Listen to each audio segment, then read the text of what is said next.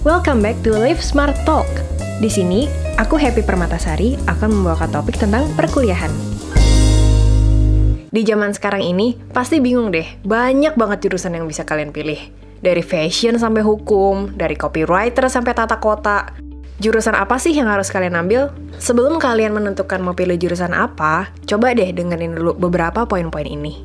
Pertama, tentukan minat kamu yang sesungguhnya. Apa sih hal yang bikin kamu tertarik? Apa sih hal yang bikin kamu lupa waktu kalau lagi ngerjain hal itu? Kalau kata Marie Kondo, apa sih yang sparks joy buat kamu? Tapi aku nggak merasa jago kak di bidang itu. Jangan takut, semua hal itu bisa dipelajari.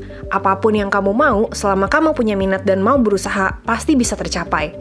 Michael Jackson nggak terlahir bisa moonwalk kok, atau Dwayne Johnson juga nggak terlahir langsung bisa acting. Semua itu pakai latihan. Didengar lagi, latihan. Nggak ada yang bisa stop kamu untuk mencapai apa yang kamu mau kalau kamu mau berusaha dengan giat. Dan ingat ya, setiap jurusan itu ada kelebihan dan kekurangannya sendiri. Ada suka dan dukanya. Gak ada tuh yang namanya jurusan yang isinya senang-senang doang. Yang kedua, research. Kalau kamu udah ketemu dengan bidang yang kamu inginkan, kita lanjut ke tahap berikutnya, yaitu research. Berikut adalah tiga poin besar yang harus kamu pikirkan sebelum memutuskan untuk mengikuti jurusan tersebut. Pertama, jejak pekerjaan kamu harus tahu pekerjaan apa aja yang bisa kamu dapat dengan mengambil jurusan tersebut. Dan tentukan tujuan kamu mau yang mana. Misalnya kamu mau ambil fashion design.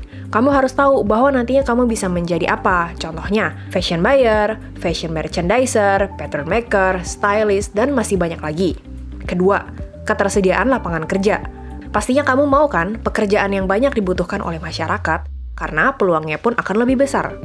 Dan ketiga, lokasinya kamu perlu tahu kampus mana saja yang menyediakan jurusan yang kamu inginkan, dan apakah kampus tersebut memiliki akreditas yang baik demi menunjang karir kamu nantinya. Kamu juga sebaiknya bicarakan dengan orang tua kamu perihal budget yang akan juga dibahas di poin selanjutnya. Poin ketiga yaitu budgeting. Hal ini juga termasuk aspek penting loh dalam memutuskan perkuliahan kamu, karena apabila kamu ingin memilih lokasi yang lumayan jauh dari rumah, akan ada beberapa biaya tambahan yang perlu kamu siapkan. Selain biaya kuliahnya sendiri, kamu perlu siapkan living cost selama tinggal di sana. Misalnya tempat tinggal, misalnya kamu harus ngekos atau kamu harus sewa apartemen. Itu kan ada biaya tambahan per bulannya lagi. Lalu untuk transportasi kamu, biaya makan kamu, biaya keperluan sehari-hari kamu. Untuk hal ini tentunya kamu perlu bicarakan dengan orang tua kamu ya. Dan yakin deh, orang tua kamu pasti sebisa mungkin akan mendukung kamu dan berusaha sekuat tenaga untuk menyediakan fasilitas supaya kamu dapat kuliah dengan nyaman dan lancar. Dan ini adalah poin yang terakhir. Buat komitmen ke diri sendiri.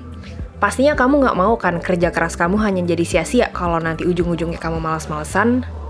Kamu harus berpegang teguh dengan minat kamu dan apa yang sudah kamu pilih. Rencanakan semuanya dan cobalah untuk tetap bertahan pada rencana tersebut, supaya kamu bisa lulus tepat waktu dan tidak membuang banyak waktu. Percaya deh, kamu pasti bangga akan diri sendiri apabila kamu merasakan buah manis dari usaha kamu. Nah, itu adalah empat poin yang bisa kita share ke kamu. Untuk selanjutnya, we wish you all the best. Semoga kamu bisa mendapatkan jurusan yang cocok dengan minat kamu ya.